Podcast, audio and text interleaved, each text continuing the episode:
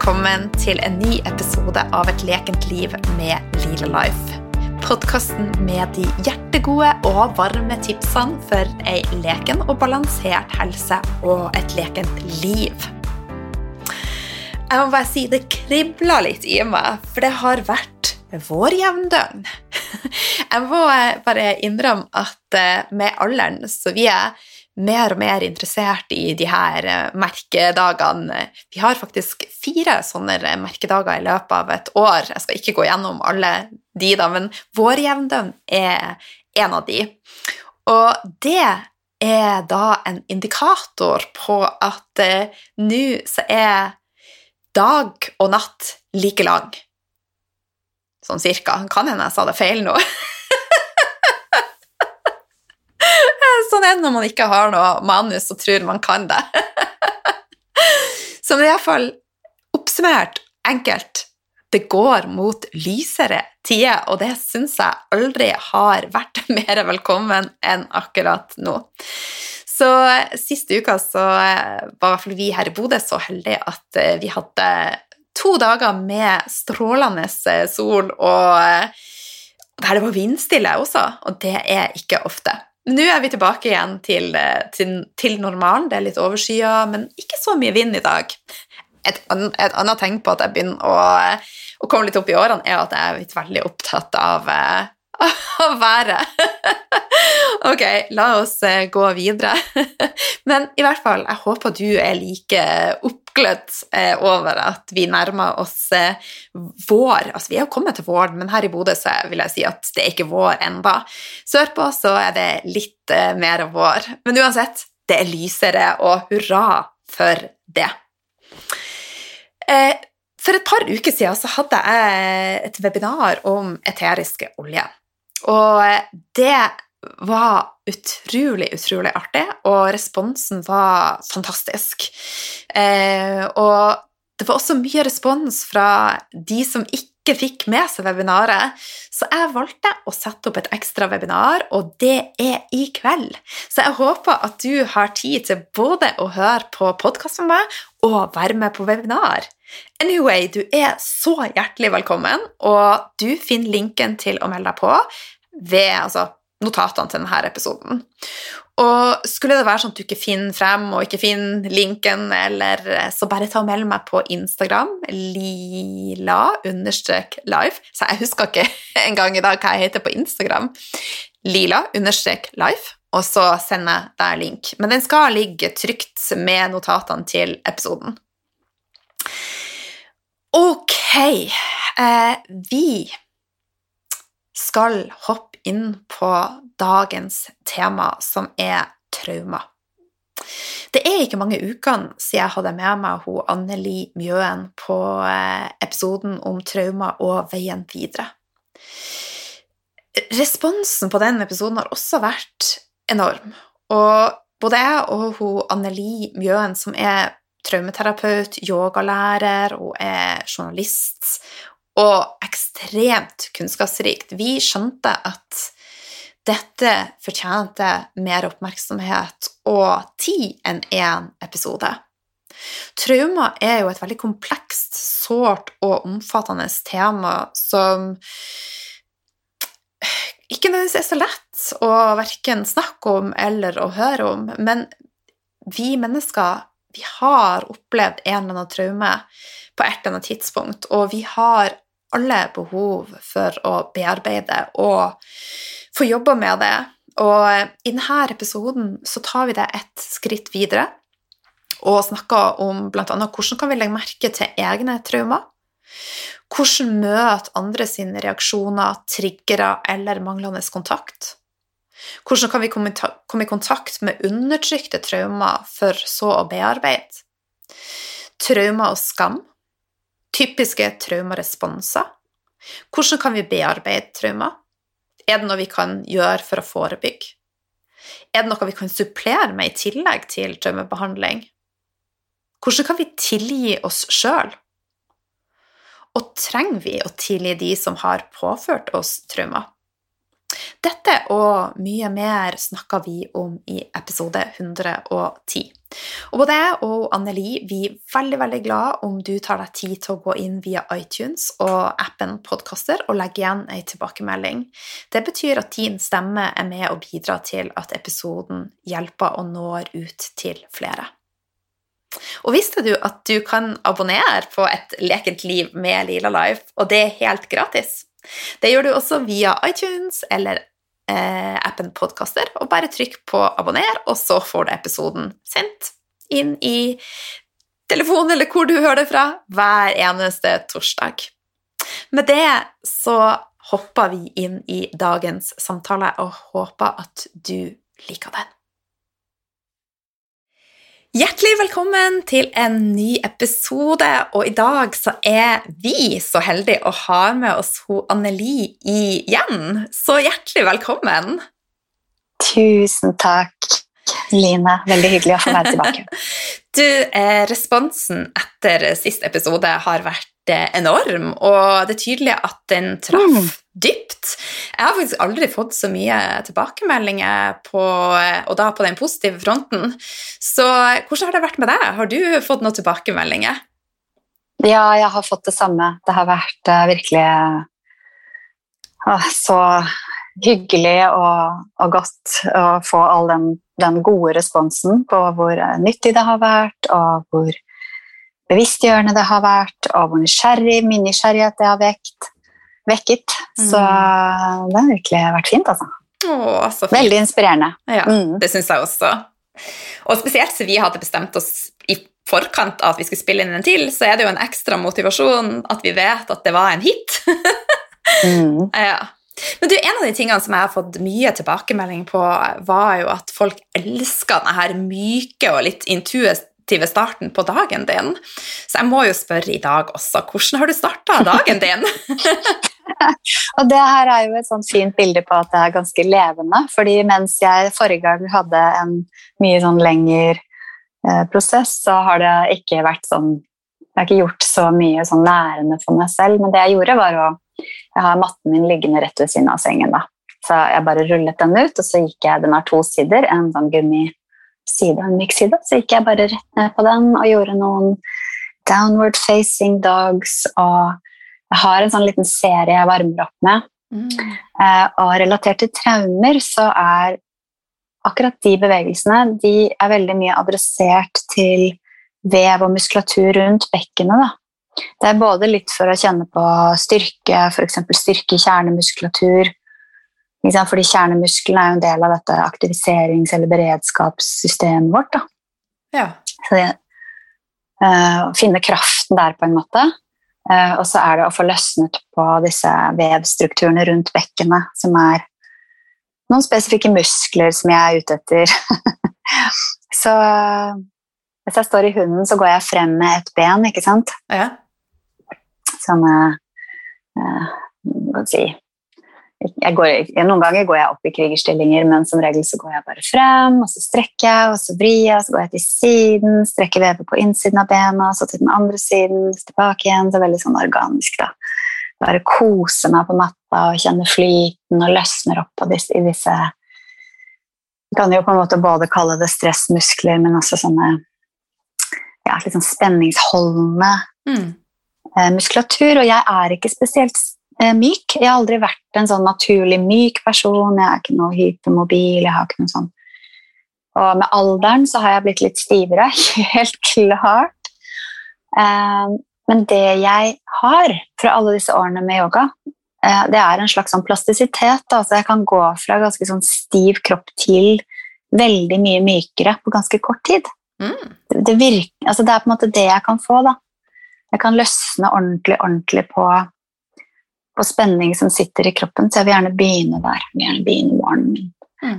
Det høres jo kanskje litt rart ut at man påfører at man på en måte får spenninger av å ligge i sengen, men det får vi. Vi gjør det. det ja, det er spenning som ligger der. Og så kan det være liggestillinger, og at man ligger stille, og mange andre ting. Ja. ja altså det er jo faktisk eh, en kjensgjerning at sånn kinker og sånn man får i nakken og rygg og sånn, de kommer jo gjerne når man står opp av senga. Ja, ikke sant? Hvis man er litt uforsiktig. Og det er så mye vi kunne snakket om, vet du. Eksempel i yogarommet, når folk skal gå ut av en avspenning, så lærer jeg alltid bort eh, hvordan man kan gjøre det på en, eh, på en god måte, da, en støttende måte, som er å rulle seg over på siden. Det er ikke nakken man skal, man skal ikke, altså, vi, vi, prøver å unngå å reise oss opp med disse mobiliseringsmusklene, hvis du skjønner, mm. men heller faktisk bruke kroppens optimale støtte, som er stor muskulatur og sånn.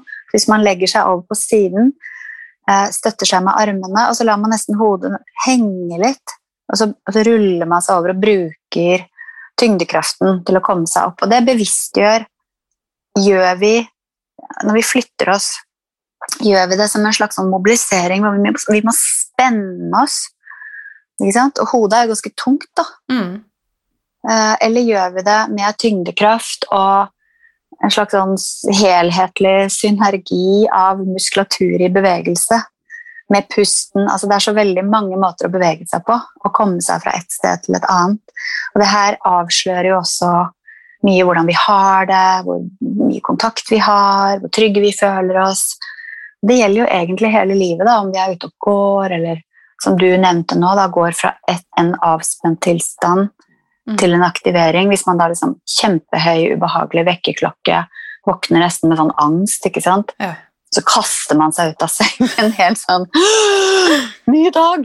Ja, ja, så er det jo veldig mange andre måter å gjøre det på, som er å ha litt bedre tid, gjøre litt yoga med seg i sengen, puste litt grann, være bevisst på å støtte kroppen når man kommer ut. Litt sånn kjærlig, sånn varm og vennlig kontakt med kroppen. og og, kanskje, og, jeg hører av og til på sånn hvis jeg ikke har det av meg selv, da, så kan jeg høre på sånn um, Det gjorde jeg faktisk ikke det i dag morges, så dette er jo bare sånn videreføring av samme tema.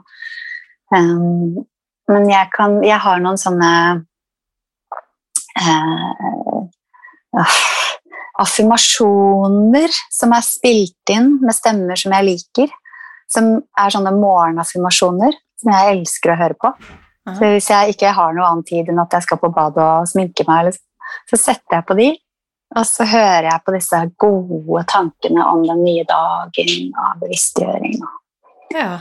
På mange måter. De, de, affirmasjonene som du liker godt, er det sånn som ligger tilgjengelig eh, ute? Sånn på kan... Spotify. Ja, Da kan jo vi eventuelt dele din favoritt med denne episoden. Eh, det kan vi. Ja. Jeg er villig til å dele hva som helst. Jeg. Ja, så bra.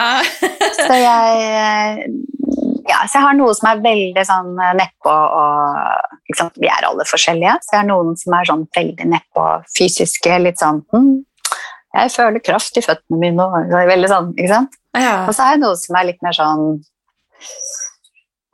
universelle og lys og kjærlighet. Jeg gleder meg. Yes. Men du, forrige episode så snakka vi om hva trauma er. Hva som skjer mm. fysisk i kroppen under trauma. Og om trauma i barndommen kan påvirke vårt voksne liv, da, og om det kan være med å prege valg og utforme vår personlighet. Og vi var mm. også inne på at trauma det er egentlig så det betyr sår. Og i dag så skal vi ta det et skritt videre. Og det første spørsmålet jeg har til deg, er hvordan kan man jobbe med å legge merke til egne traumer? Um, ja, uh, jeg vil gjerne si at når vi snakker om disse temaene videre, så vil de jo gå litt inn i hverandre, på en måte, fordi det er store temaer, da. Mm. Um, um, uh, vi, vi, kan på en måte vi kan, vi kan, si at alt vi er, er et uttrykk sant, for alt vi har erfart. Mm. Og et av de stedene det er lettest å legge merke til mønstre da, som er enten gode eller mindre gode, eller faktisk basert på traumer, er jo ofte i relasjoner. Eh, så det er jo gjerne relasjonelle ting som gjør at folk oppsøker terapi i utgangspunktet. Fordi man merker at her er det bestemte mønstre, og det er ting som er rett og slett ikke fungerer da, ikke sant, i relasjoner. Og det kan være relasjoner til omsorgspersoner, selvfølgelig, men det kan bare også være relasjoner man har, forhold man er i, f.eks. Eh, og alle disse sterke mønstrene man ser da, i det øyeblikk man begynner å se mønstre, så kan det belyse um, hva vi har utviklet for å overleve i fortiden. Og jeg kaller det å overleve, fordi det er jo det som er noe av triggerne. At vi har det vi kaller overlevelsesstrategier, som vi var inne på sist også. Mm. For et barn så handler det om å overleve, og det som er kanskje vanskelig å forstå når man er voksen, det er at i det øyeblikket man f.eks. kommer inn i en konflikt da, eh, og blir trigget De aller fleste har jo med seg noen vanskelige opplevelser, og hvis man ikke har fått hjelp til å forløse de på gode måter, eller romme egne følelser, så kan en såkalt vanlig konflikt nesten bli sånn liv og død-konflikt. på en måte. Mm. Man opplever litt sånn Enten så må du dø, eller så må jeg dø. på en måte. Altså, man går inn med så mye kamp, f.eks. Mm. Um, jeg har også lyst til å skynde meg å si at det kan være Det er veldig ofte en dualisme. ikke sant? Altså Hvis man syns at relasjoner er vanskelige, så kan det også være å unngå relasjoner. Ja. Ikke sant? Altså at man, man, man bare unngår det helt og holdent fordi man syns det er for utfordrende eller for utmattende. Eller man kan være helt veldig medavhengig. Mm. Man kan merke at man har et usunt mønster, man kan aldri være alene. Det ser jeg jo stadig. Og så er det dette her med hvordan relasjonen fungerer. Da. Det er på en måte der man kan se det veldig, veldig godt. Mm. Så ved store utviklingstraumer eller sjokktraumer så kan f.eks. konflikter eskalere til så stor beredskap at det føles som man er i livsfare. Skjønner. Um, og bare, alle mulige andre mønstre. Ja, jeg må bare si en ting nå. Ut fra den beskrivelsen som du har nå, så skjønner jo jeg at uh, Nå er jeg jo veldig åpen at uh, jeg og mannen min vi har faktisk en skikkelig traume. For at uh, vi har jo en sønn som har vært veldig mye syk, og det med mat og sånn Han har ikke villet spist. Og mannen min han tenker at det viktigste er at han overlever. Og mens jeg er der at jeg er næringsterapeut, jeg har lyst på at han skal spise bra. og så hver gang mat faktisk vi er tema, så, så, er det nesten altså jeg, Vi krangler veldig lite, men det klarer vi ikke å snakke om. Nei, og det er jo det man gjør etter hvert, hvis man ikke finner en eh, altså der, der, kan jo på en måte prosessen være å få støtte til å bevisstgjøre dette, som du sier nå. ikke sant? At man eh, finner en Altså får støtte til å finne en felles forståelse. Litt sånn kanskje minste felles multiplum, en sunnere måte å ha en dialog på det. Eh, at man kan få hjelp til å legge opp et løp som faktisk har en plan, da, sånn at det ikke faktisk blir en sånn eh, stilletiende eh, stillingskrig, på en måte. Altså at, mm. Dette tør jeg faktisk å snakke om, for dette kan bli til en konflikt. Mm. Og Det er som sagt, det er klart det er et traume, fordi eh, mat er næring, det er mye kjærlighet i det. Eh, det er stor frustrasjon hvis det ikke fungerer. Eh, man kan gå i hver sin skyttergrav, på en måte, eller det var kanskje litt sterkt sagt, da, men man kan på en måte gå i hver sin sånn, mm. hvert sitt ytterpunkt. da. Mm. Hvor den ene tenker sånn Ja, men det må i hvert fall være næring på det lille jeg skal Hvis det er lite. Ja. Eh, og den andre tenker herregud, barn vokser opp på mariekjeks. Det er det andre argumentet. Mm. Begge deler er jo sant. Det er sant. Og ikke minst så blir det jo sikkert ikke noe lettere for barnet hvis barnet merker at dette er et tema. Så kan det også være en del av det som bare blir såpass vanskelig. Barn er som svamper. De merker hver eneste lille energi som foregår mellom foreldrene. Mm. Og gjentagende så ser vi jo i disse historiene som vi får, hvordan barnet merker konflikten lenge før den kommer. Ja, for de er rett og slett veldig sensitive, som svamper, som du sier. De er svamper, de, de merker alt. De mm. er jo en del av foreldrene. De første, altså, de første, årene er man jo ikke engang atskilt fra foreldrene, særlig mor. da. Mm. Man er jo mor, man er bare en forlengelse av Det er jo først i to-treårsalderen, det som så feil kalles trassalderen, som er separasjonsalderen, hvor man begynner å separere og danne et ego, som er veldig smertefullt for barnet. Det er jo å forlate essensen av det de er, på en måte. ikke sant? Å skulle danne Det er jo en veldig, veldig voldsom prosess. Mm. Um, men før det så er man jo helt man er så nær at det går ikke an å si at man Man må bare se på seg selv hele tiden som forelder, og så kanskje få støtte og hjelp da, til å finne gode måter å løse dette på. Ja. Det er vanskelig. Det er sånne situasjoner for alle. Og jeg sier ikke at alt må bli traumer, men bevisstgjøring er nødvendig, og at alle får den kjærlige støtten. Alle tre. Mm. Hvis det er tre personer det handler om, så må alle tre få den kjærlige støtten. Mm. Sånn at man kan skape noe bevegelse i det her. Da. Ja. Mm. Mm. Takk for din deling. Ja, Nå forteller jo ikke jeg alt, så det er jo mer en traume som har skjedd tidligere, som har gjort at ting har blitt sånn, så det, det har vært ganske ekstremt. da. Så, Mm. eh, Men eh, da tar jeg og hopper litt videre og spør deg Du har jo forklart eh, litt om hvordan man kan jobbe og bearbeide egne traumer. Og Vil du si noe mer om det, og hvordan vi kan møte andre sine reaksjoner, triggere eller mangna- manglende kontakt? Ja, ehm, igjen, det er veldig mye å si om det, men siden jeg begynte å snakke litt om sinne for eksempel, eller konflikter, da, Mm. så kan jeg kanskje si litt mer om sinne. Eh, og bare for å tydeliggjøre forskjellen, så kan jeg f.eks. kalle det sinne, eller sunt sinne, det ser, jeg på som, det ser vi på som livskraft. Det, det, er, det er virkelig kraften vår. Det er den kraften vi trenger for å sette gode grenser for andre. Og selv for den saks skyld stå opp for oss selv uten å føle skyld og skam. Kraften til å kunne uttrykke behovene våre. Eh, mens det vi kan kalle aggresjon, da eh, er jo ikke konstruktivt. Eh, og er veldig ofte sinne. Altså sunn respons fra barnet, f.eks., som ikke har fått lov å være der. Ikke sant? Det kan være at man får en eller annen form for sånn Man blir bare undertrykket på en eller annen måte. ikke sant? Altså er, sinne, denne fantastiske kraften vi har, er kompleks. Mm. Og eh, den, den usunne aggresjonen den kan ha to utløp. ikke sant? Den kan enten være utagering, eh, som man kan liste opp f.eks. emosjonell dumping, som vi kaller det. Eh, anklager, skriking, nedrakking, irritasjon er også Vi kan si at det er undertrykt sinne, men det kan også piple ut som sånn stikk. ikke sant? Eh, og så har du det andre ytterpunktet, som er total undertrykking. Man bare lukker ned.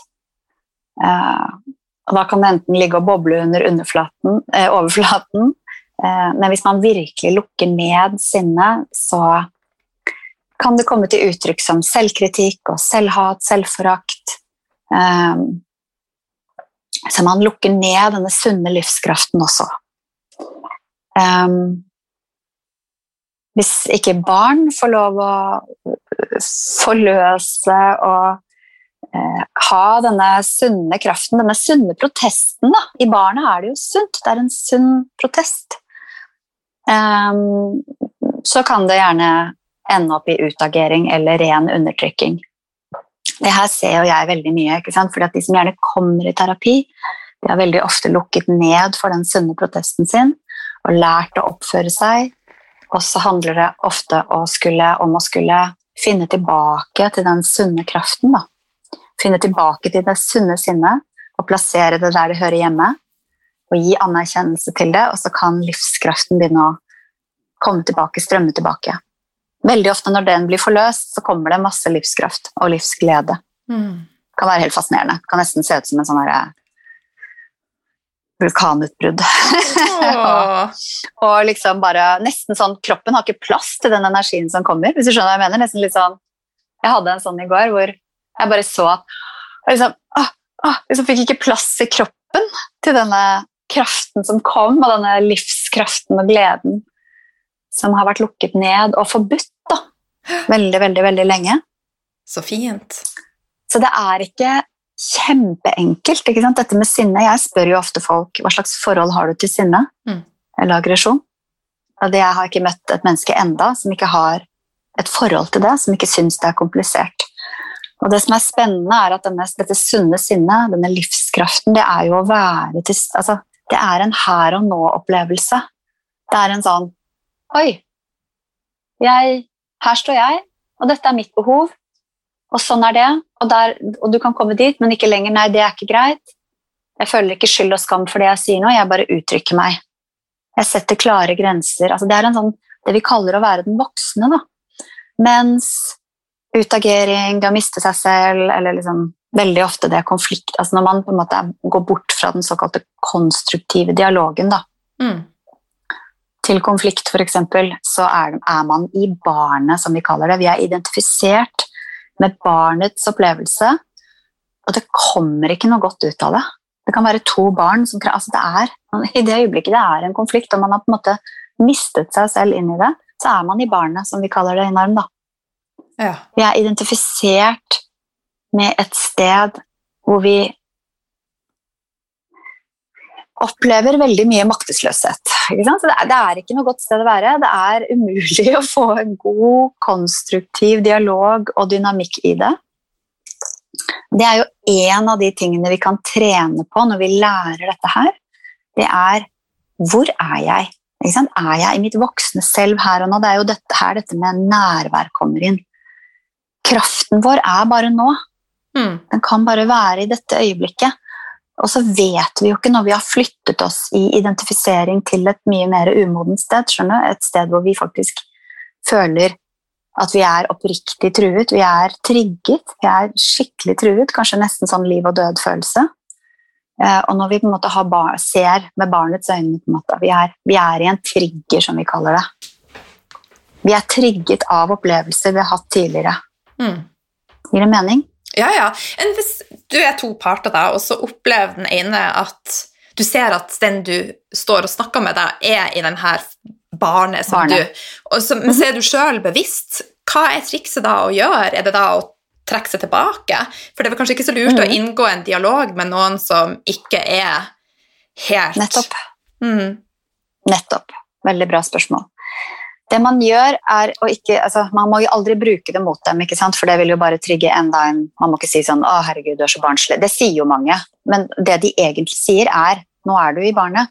Og det skal man bare helt la være å si. Mm. Eh, men det man kan gjøre, er å betrakte Hvis man er i stand til det, så kan man jo faktisk prøve å betrakte den andre med litt medfølelse. Fordi den andre er i en trigger. Den er i et, på et umodent sted hvor det er vanskelig å være. Hvis man tenker at man er i barnet, da, Mm. med masse maktesløshet og, og? Det er ikke bevissthet, det er, det er et vondt sted å være, så kan man faktisk se på den andre med litt medfølelse. Og det aller beste er å si nå opplever jeg at vi ikke har en konstruktiv dialog. Nå venter vi til vi begge har roet oss litt ned. Lurt. Og så kan man rett og slett forlate situasjonen. Og det vi pleier å si, er at det er fint å bevare tilknytningen. Det er veldig stor forskjell på å si «Øh, jeg gidder ikke mer, Smeller med døra, ut på byen, kom igjen neste dag. Jeg skjønner. Ja, ja, ja. Altså, sånn, det, det skal ikke bli, det skal ikke bli et, et tru, Altså, det skal ikke føles som en trussel, for det kan det gjøre for barnet. Mm. Det kan føles som en trussel om et brudd, og at man kan miste tilknytningen. Hvis man virkelig er voksen og moden, så bevarer man tilknytningen. Man kan si et eller annet sånt Jeg ser deg, jeg er her, jeg har lyst til å løse dette.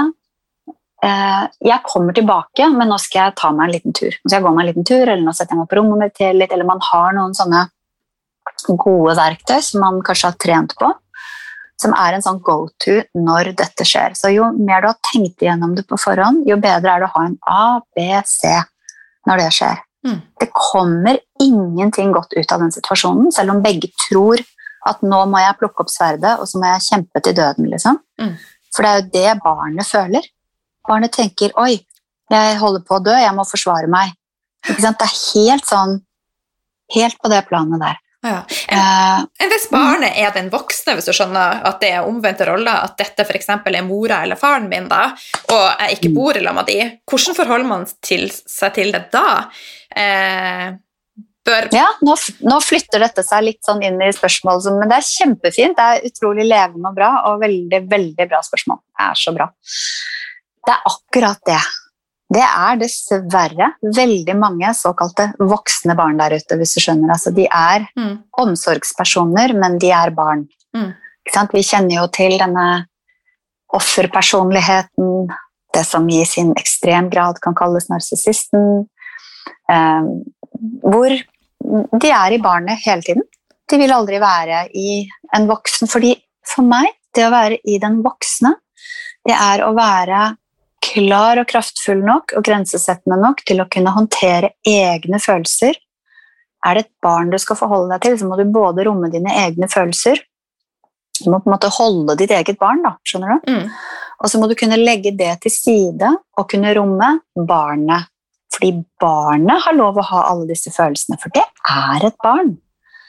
Men når det er en voksen i alder da, som oppfører seg sånn, så er det på en måte, altså Hvis det er en akutt situasjon, så er det samme som gjelder. Gå ut av situasjonen på en vennlig måte. Hvis det er en kronisk ting, hvis det er en identitet som har slukt hele personligheten Ja, det er jo absolutt det, det, det Hvis jeg skal si litt mer om det, Mm. eh, så handler det jo om Og det er en prosess. Det er veldig fint å sitte ned med en annen person. I NARM har vi jo en veldig fin måte å tydeliggjøre disse tingene på. For vi spør ikke bare intellektet eller identiteten vår. Identiteten vår kan være veldig, veldig preget av barnet, som alltid prøver å beskytte omsorgspersonene. Men hvis man får tak i det kroppen forteller, og virkelig får lov til å utforske hvor mye blir du trigget av f.eks. en omsorgsperson, av en far eller mor? Eh, hvor mye er skam fra barndommen? Hvor mye er dårlig samvittighet som da blir påført? Hvor mye er øh, ideen om at du skal ta vare på foreldrene våre, eh, foreldrene dine? Det, ligger, det er du blitt oppdratt til. Hvis du først har en omsorgsperson Nesten fælt å kalle det omsorgsperson, fordi de gir jo ikke alltid omsorg. Men hvis du har en far eller mor, for eksempel, da. Omsorgspersoner trenger jo ikke være biologiske. Som alltid er i 'stakkars meg', så vil det innebære en enorm skyldfølelse for barnet. fordi at når den voksne sier 'stakkars meg, stakkars meg', eller er i barnet, så vil barnet bli fascisten på en måte, for å sette det på spissen. Mm. Barnet blir den slemme. Og da blir du utskammet og utskammet av den voksne og av deg selv. Så i det øyeblikket hvor? Hvis den voksne sier 'hvordan kan du gjøre dette mot meg', det er en enorm skam som blir påført barnet. Og da må barnet anerkjenne at det er et slemt og ondt barn. Det er en identifisering barnet gjør. En, de lager et indre bilde av seg selv som noen som er slemme, for de påfører jo da til den voksne noe fælt. Mm. Eh, og så må man bare løse opp i dette. Bare. Jeg mener ikke bare, men Nei. terapien, det vi holder på med i NARM, er å løse opp den identifiseringen. Og når jeg sitter og spør og spør, kanskje man setter av en hel time til å finne ut hvordan, skal, hvordan kan jeg forholde meg til denne personen som fortsetter å, å gjøre meg utrygg, urolig, få meg til å føle meg kanskje slem, eller? Skjønner du? Altså, hvis dette bare fortsetter og fortsetter, dette kommer man jo ikke ut av. Så handler det om å finne ut hvor mye kan jeg mestre? Hvor mye ønsker jeg å være i kontakt med den personen, og hvor mye kan jeg tåle? Kanskje det handler om å finne ut Kroppen vil fortelle. ikke sant? Da kan man begynne med ingen kontakt, for eksempel, og så kan man øke litt, og så ser man hvordan nervesystemet responderer. Og Hvis nervesystemet blir veldig responsivt i tank når man tenker seg kontakt med den personen, så må man gå ned igjen. Gir det mening? Altså, Ja, ja. det er forskjell på å være i en trygg setting eh, og vite at man skal sitte der en halvtime, for da har man mulighet til å øve på å være i den voksne, nemlig. Mm. Mens hvis man er i en låst situasjon, for eksempel, hvor man er nødt til å være sammen med vedkommende, eh, kanskje det er alkohol involvert, det kan være hva som helst, så blir det veldig veldig skummelt og veldig veldig utrygt. Mm. Og jo mer uberegnelig den andre personen er, jo større fare er det for utrygghet, ubehag, smerte, retraumatisering osv. osv. Det er jo Så er det mange ledd i det her. ikke sant? Hvis det har vært alkoholmisbruk, f.eks., så kan det være barn som drikker med foreldrene sine som voksne. I det øyeblikket man går ut av den konteksten, sant, så blir det plutselig veldig vanskelig. For da avsløres jo det usunne ved dynamikken. Det er veldig mye av dette her vi holder på med. Mm. Og noen velger å sette en tidsfase hvor de tar helt avstand for å se og bearbeide mens de går i terapi, for å se hva de kan eventuelt klare å takle senere. Da. Mm. Var det svar på spørsmålet? Absolutt. Men sånn her type Nå hopper jeg rett videre, jeg syns det er så interessant. Ja, ja. så bra. Så la oss si da at man har vært eh, i et eh, miljø og vokst opp med foreldre som har vært med å utvikle traumer. Kan man da faktisk undertrykke det og ikke vite eller Man vet vet jo om det, men samtidig sette en, en eh, Hva skal jeg si Kan man ja, rett og slett komme i en situasjon der vi undertrykker disse traumene? Traumer kan bli helt undertrykket. Ja. Eh, De kan for det første ha oppstått veldig veldig tidlig i barndommen, altså før man såkalt husker. Da. Mm. Altså, kroppen husker, så det er absolutt mulig å få kontakt med det. Mm. Eh, Men de kan være førminner, ikke sant, som er vanskelig å få tak i. Eh, og så kan de også være så alvorlige at de spaltes helt fra, det vi kaller disassosieres. Um, noen ganger så har de minnene, som er delvis ting de husker, detaljer f.eks., og minner de har fått fra andre. ikke sant? Altså Andre har fortalt om episoden, men de får ikke kontakt med følelsene sine i det hele tatt.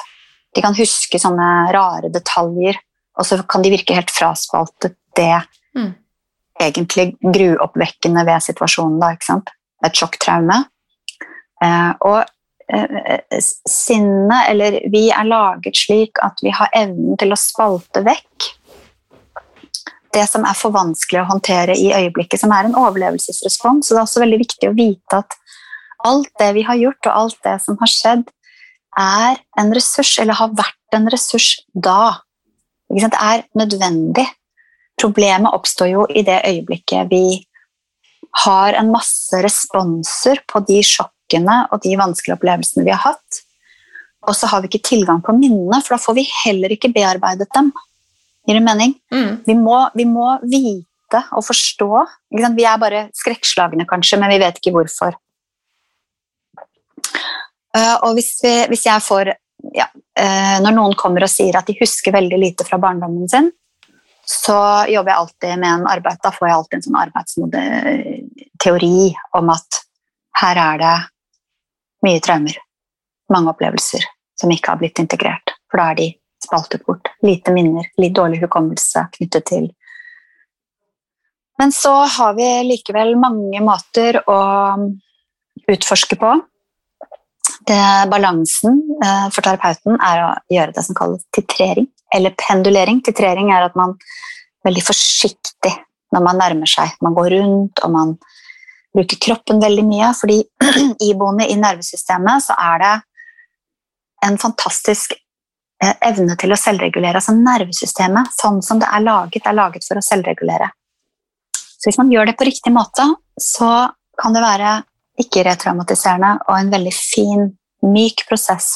Pendulering er det vi gjør hvor vi pendler mellom f.eks. en ressurs og et traume. Og det gjør vi fordi at man skal få kontakt med den delen av både kroppen og bevisstheten som har styrke og kraft her og nå. Ikke sant? Mm. Sånn at man kan tåle å slippe inn minner. Um, mm, Så det er en veldig bevisst prosess. Og det er, dette her er egentlig utrolig Egentlig så er det sånn at hvert av disse spørsmålene er en altså fordi det, er et, det er et veldig veldig spennende tema. Ikke sant? For eksempel så er det sånn Folk som har opplevd traumer, da, de, de innkalles som vitner. ikke sant? Mm. Det er helt absurd. Og så skal man være et pålitelig vitne. Et pålitelig vitne, Da blir man sett på som en person som er veldig mentalt oppegående. Man husker, Særlig må man huske liksom alle detaljer. Hvis man ikke kan oppgi detaljene ved traume, så blir man sett på som upålitelig. Men ser du hvor absurd det er? Absolutt. Fordi kroppen vil spalte fra det som er mest vanskelig, og man vil flytte seg utenfor kroppen, f.eks. Eh, det, kan skje tidsforskyvninger. Eh, Man vil ha blackouts, som eh, det heter, Mm. videre Og, så videre. og, og bevisstheten kan sende disse, disse, spalt, altså disse minnene da, i tusen biter for å gjøre opplevelsen mer håndterbar. Mm. Men det kan absolutt settes sammen. Det er det vi gjør i NARM. Vi kaller det faktisk det å gå fra fragmentering til det vi kaller organisering. Vi organiserer det i helheten. Og det skjer, kan skje faktisk veldig mye bare på én time. Det er det som er så spennende. Ja, det er, eh, det er veldig, veldig, veldig interessant. Huh. Men det her eh, det vil jo si da at eh, det er jo fullt mulig da å Hvis man har veldig mye traumer, har det vondt, så er det mulig å snu dette til noe bedre, og på den måten kanskje helbrede seg sjøl over tid, og hjelp, ved hjelp av en arm. Absolutt. Ja. absolutt. Det er en veldig effektiv metode. Um, og så har vi jo veldig mye annet vi kan gjøre også, da, som vi kan støtte og styrke oss selv uh, med underveis. Og Jeg sa det sist i forrige episode, at jeg alltid har ment at uh, alt, alt form for åndelig arbeid, hvis vi skal kalle det det, all form for eh, annen form for terapi, eller kroppsterapi, eller bevegelse, eller alt det andre her vi gjør, da, for ikke å snakke om eh, dette med å avdekke lag i oss selv, som vi snakker om i yoga. Ikke sant? Vi snakker faktisk om, om å avdekke lag. Det bør gå hånd i hånd med terapi. Mm. Hvis man mistenker i det minste at man har opplevd noe vanskelig, fordi at det er det vi gjør, vi avdekker en del av den vi avdekker, vi avdekker forsvaret vårt, men vi avdekker også beskyttelse. Ikke sant? Mm. Eh, så da er det viktig at vi kan håndtere det vi får kontakt med. Mm. Men vi kan absolutt hele. Jeg er et veldig godt eksempel på det. Veldig. Ja. Jeg har alltid brukt meg selv lite grann i, eh, i undervisning og i terapi. Bitte små eksempler hvor jeg bare viser forskjellen. Ikke sant? Hva er det eksempel å være i barnet, og hvordan er det å være en trygg voksen? Og eh, dette er stegene, på en måte. Ikke sant? Jeg har jo gått denne veien selv. Hmm. Og når jeg begynte med denne narmutdannelsen, så var det jo bare sånn check, check, check, check, check. Altså, dette her var bare bevisstgjøring for meg. Og en mye mer organisert måte å se det samme jeg faktisk har gjort for å helbrede meg selv gjennom et helt liv. Da. Jeg begynte jo når jeg var barn, så begynte jeg å jobbe med meg selv. Spennende. Ja, det er jo helt Og jeg hadde, hadde antageligvis kunnet få til veldig mye mer på veldig mye kortere tid. Eller det er jeg helt sikker på. Mm. Jeg har jo måttet gjøre alt selv. ikke sant? Mm. Gått i terapi hele tiden, eller gått til psykolog hele tiden. Men jeg tror nok det kunne gått fortere med det, jeg- det med en arm og med det jeg vet nå, da. Det er jeg helt sikker på. Ja. Mm. Jeg gleder meg til å få teste narm. det blir bra. ja. Jeg gleder meg veldig til, så eh, Det var jo noe vi snakket om som jeg, som jeg Som jeg kanskje liksom tenkte jeg kunne tydeliggjøre litt før vi begynner med alt det fine vi kan gjøre. da. For Ja. å bygge opp, Nå er det du som skal intervjue meg og styre dette her. vet du, Jeg er veldig Men- glad i folk som tar litt styringa, og så er jeg jo veldig impulsiv, så kjør på. Ja, men det kan gå, det, Antageligvis blir det best når du bare spør, men jeg, jeg bare tenkte at eh, Apropos det vi begynte å snakke om med liksom hva som er traumer Mm. hva er traumer? Ikke sant? Altså, hva, er en, hva, er et, hva er det som kan bli til et traume? Det er jo ikke sånn at alt det jeg nevner nå, må bli et traume, men det er så mye ubevisst rundt det, syns jeg. da, så jeg har så lyst til å si det. Det er, så, det, virker, det er ikke sånn at vi alle sammen skal gå ut og tenke å, vi er så traumatiserte. Poenget er jo å faktisk anerkjenne at det er vanskelige ting som har skjedd. Og ja, dette kan vi ta oss ut av eh, med større bevisstgjøring rundt det. Så det er derfor jeg vil si noe om det. Mm. Eh, og vi, sant? Når jeg spurte folk jeg kjenner, mange, ikke de som kan masse om det, men jeg spurte litt sånn tilfeldig hva er det du ser på som traumer, eller hva er det du tenker når jeg sier det ordet. Og da, da tror jo folk at det bare handler om liksom, krig, altså krigsopplevelser, emosjonell, psykisk, fysisk eller seksuelle overgrep, eh, vold, katastrofer altså man, man, man, Akkurat som man det er akkurat som det er sånn vanskelig å anerkjenne at sår kan komme av veldig mye forskjellig. Mm.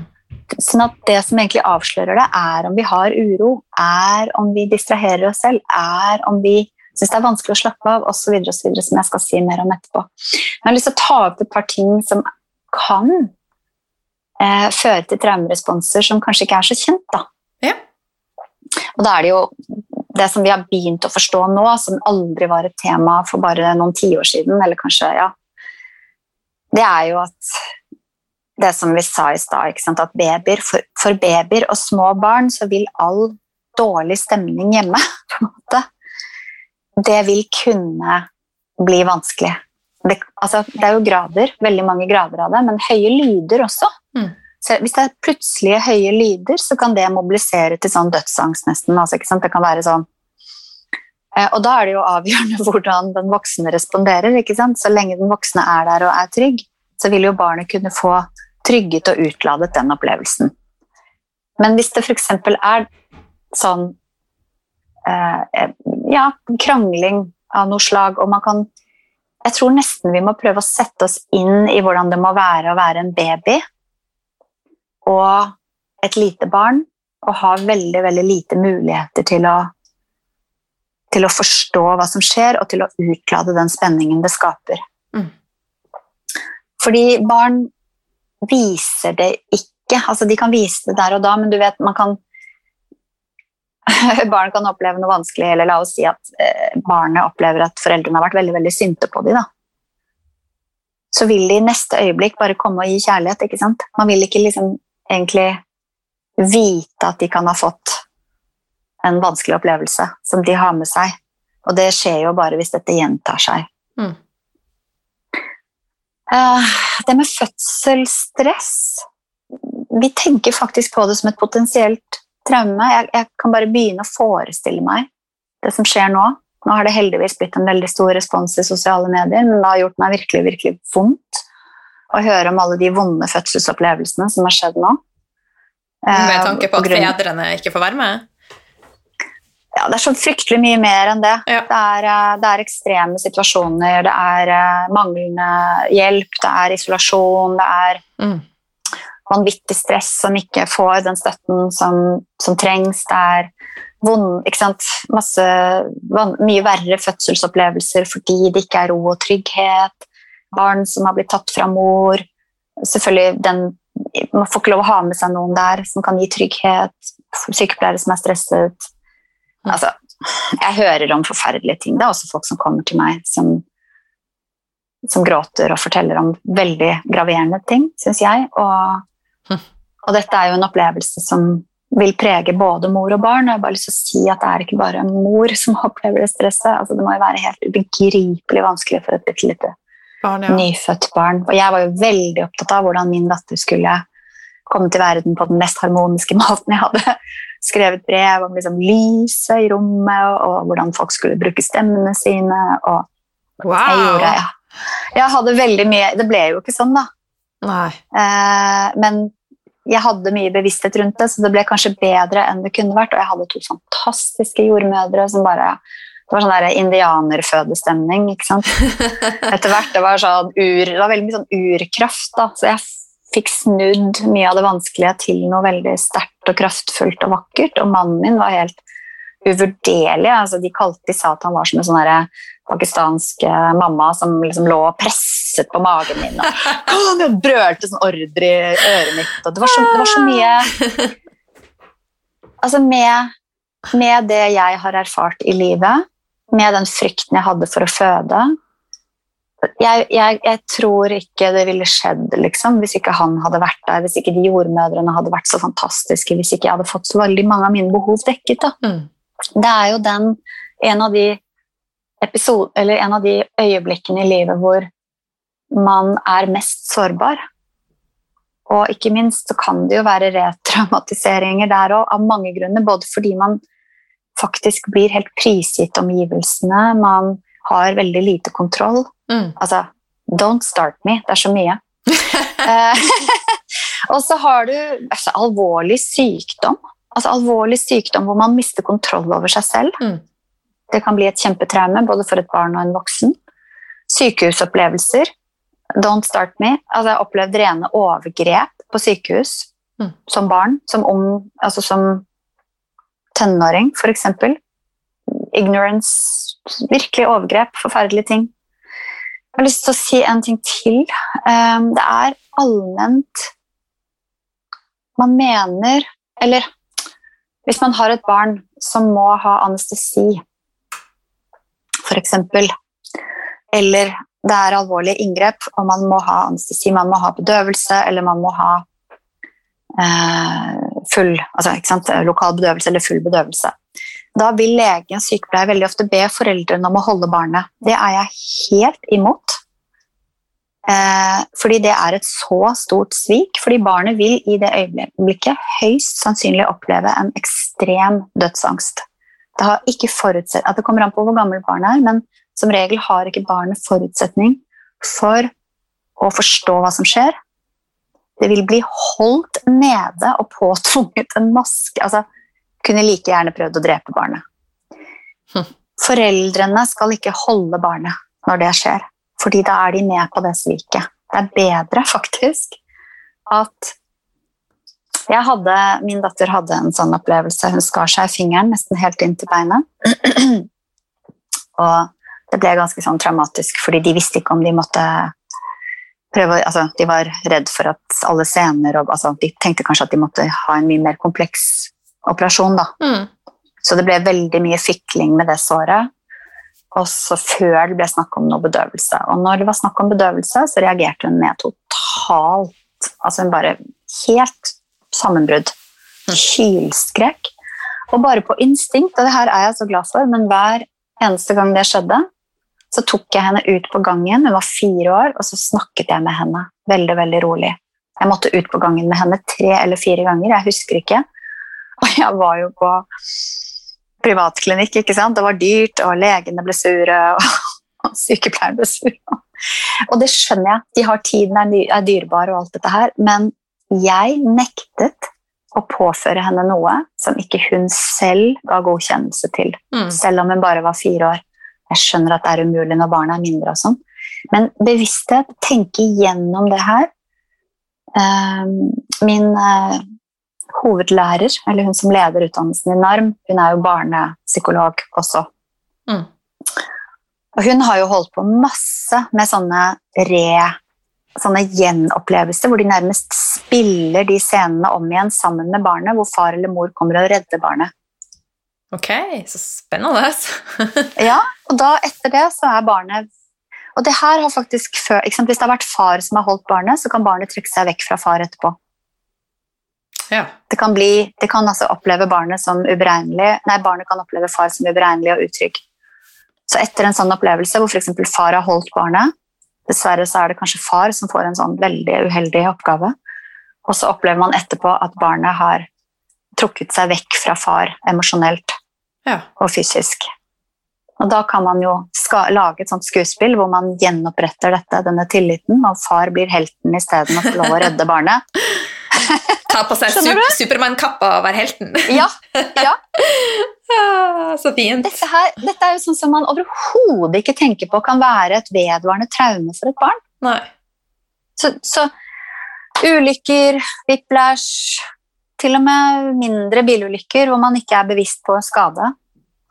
Så har man alvorlige inngrep. Eh, mange som har snakket om ting når de har fått undersøkt eh, underlivet, f.eks., som er på grensen til overgrep, men jeg. Så skal man jammen være en vennlig person. Eh, jeg opplevde et tannlegebesøk nylig som faktisk utløste migrene hos meg etterpå. Mm. Jeg tror det, var, altså det, er fordi at jeg opplevde det tannlegebesøket som så traumatisk. Jeg, jeg, har ikke hatt sånne følelser på fryktelig lenge, og jeg kunne ikke komme meg ut av situasjonen. Jeg var, og det var altså så vanvittig smerte, og det bare vedvarte og vedvarte, og ingen bedøvelse hjalp i det hele tatt. Det var som å det føltes som å bli eh, operert uten bedøvelse.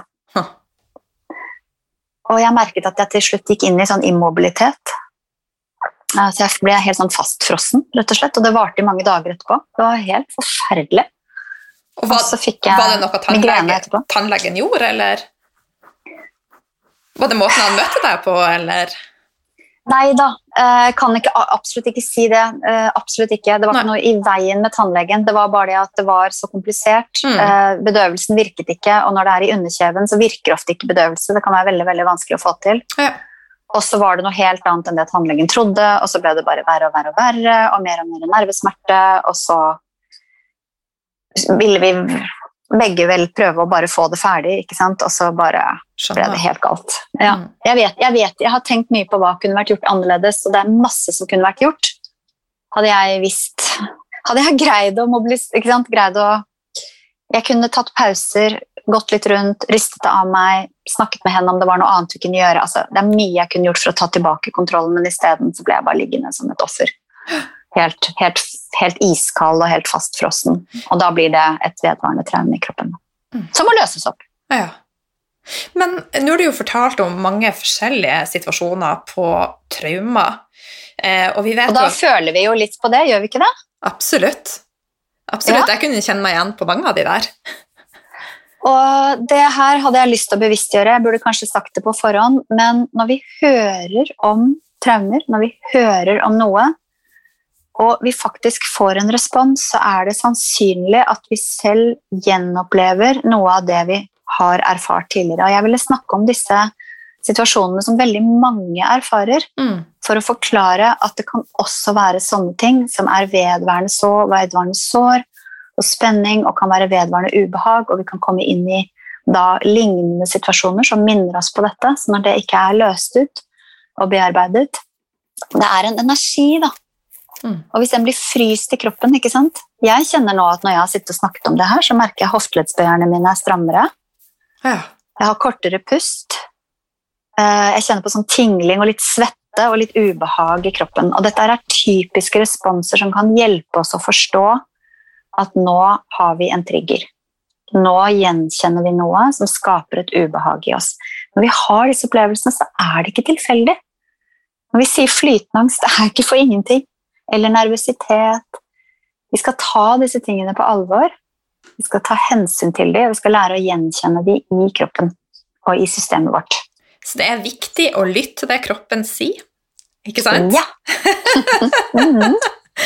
Det er så viktig. Ja. Og det er veldig, ikke sant? I hodet så har vi en idé om mestring veldig mye, ja. mens kroppen er ikke med på det. Så når vi, jo mer vi har undertrykt våre kroppslige responser, jo mindre kontakt har vi, jo mindre greier vi å kjenne det som skjer. Vi kan, man kan ha stengt helt av ikke sant, for kroppen. Man kan ha eh, vært så vant til å liksom overse det som skjer i kroppen. Vi kan ha 10 000 forskjellige måter å komme vekk fra kroppen på, og alt vi har snakket om som å distrahere oss selv og alt dette her. Mm. Eh, du spurte meg litt om traume, altså typiske traumeresponser. da. Mm. Og det er jo f.eks. den uroen. Litt sånn hyperaktivitet. Da kan vi snakke om de hyperaktive barna. er jo veldig ofte sensitive barn. De har ikke bare sin egen uro å deale med, men de tar inn alle andres uro også. Eh, Det har vært utrolig spennende å få en utvidet forståelse av hyperaktivitet, altså den der diagnosen der, på en måte. Eh, Det er veldig viktig å forstå at de veldig ofte tar inn hele rommet. Så hvis de er i en klassesammenheng, så vil særlig de andre som har uro, være kanskje nesten litt sånn sant? Der er det noe skummelt som foregår. Altså, det blir veldig, veldig, veldig vanskelig å prosesse dette her i en liten kropp som også har uro. ja. Så det kan være fryktelig vanskelig å høre læreren når man merker to-tre andre som er urolige, eller kanskje til og med litt truende. En, kanskje det er en annen gutt som er litt sånn skummel. Hvordan skal man da klare å høre læreren? Da hører man jo Man merker jo hele rommet med alle som er der. Mm. Samme med voksne. Uh, typisk traumerespons er at man, man kommer inn i et rom, og så skanner man liksom hele rommet. hvis du skjønner. Altså man, man, man er veldig sensitiv på hva som skjer overalt. Og da kan man jo fort forstå at det kan bli utmattende og slitsomt, enten man er i et forhold hvor det er mye som skjer, eller man er på et kjøpesenter i den andre kategorien, hvis du skjønner. Altså, Kjøpesenter er det verste jeg vet. jeg også. Jeg fordra det. Jeg må liksom, hvis jeg må inn på Ikea, eller og i hvert fall sånn svære kjøpesenter, så må jeg liksom vite akkurat hva jeg skal ha, så må jeg gå rett inn, og så, tut, tut, tut, tut, og så ut igjen før jeg blir utmattet. Mm.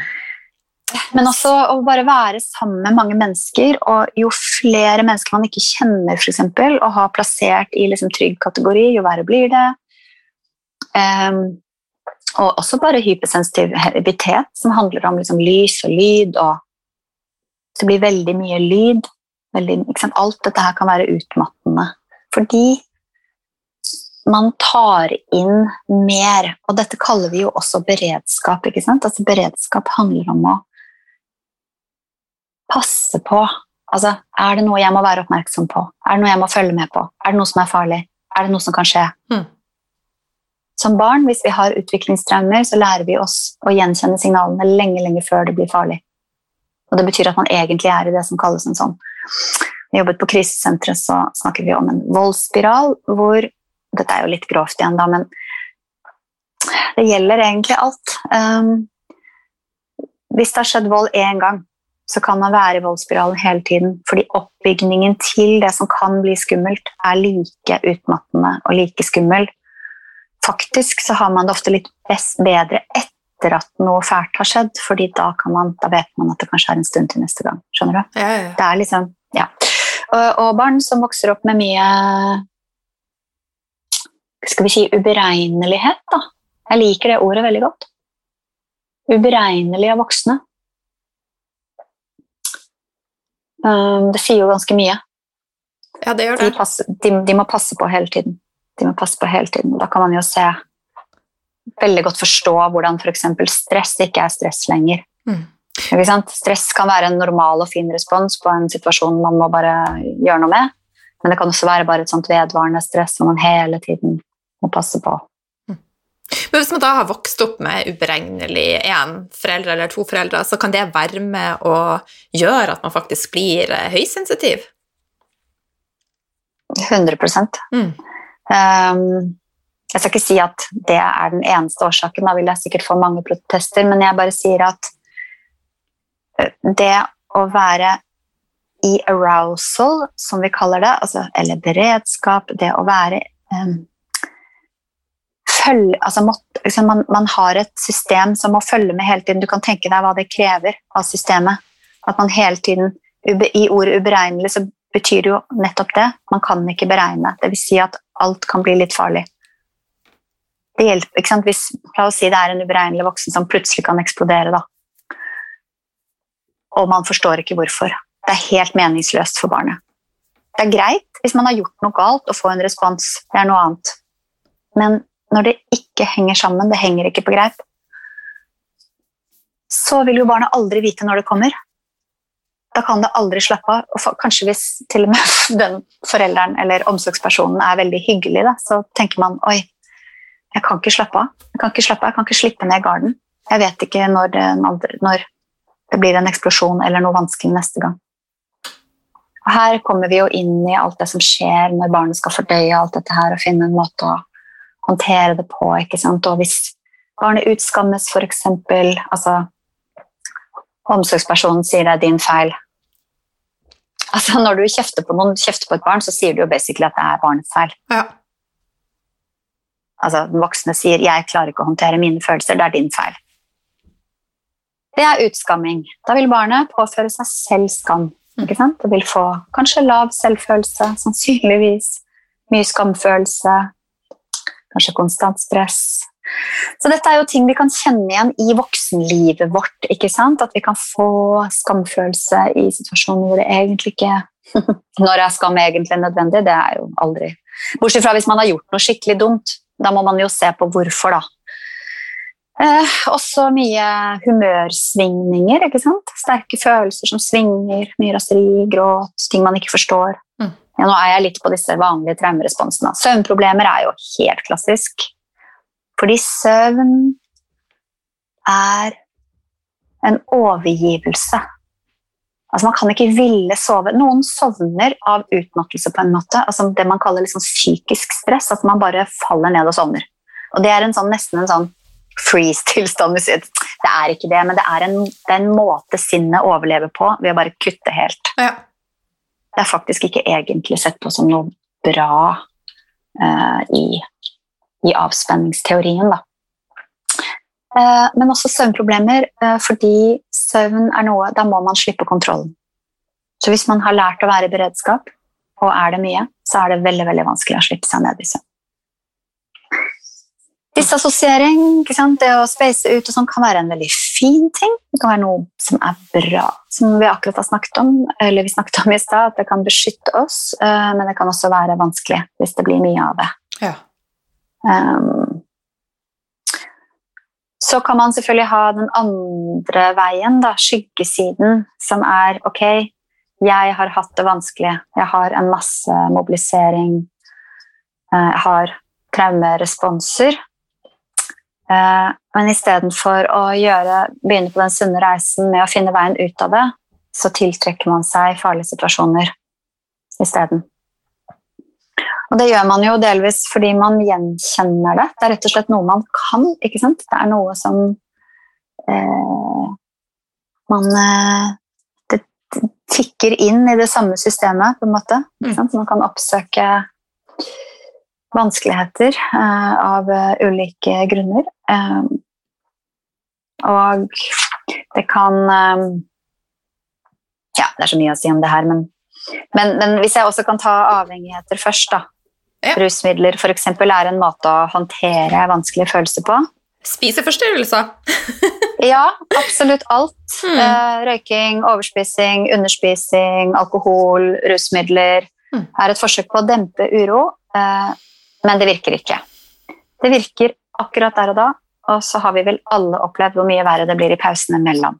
Hvis man drikker alkohol, så får man jo mye med dobbelt så mye angst neste dag. Hvilket er litt av problemet med avhengighet, at man da kanskje vil prøve å overby den responsen igjen med enda mer rus. Så er man jo bare i en sånn veldig negativ spiral. Uh, spising. Underspising kan både være et forsøk på å kontrollere situasjonen. Uh, I barndommen har man ikke kontroll over så mye, men man har kontroll over hva man putter i munnen.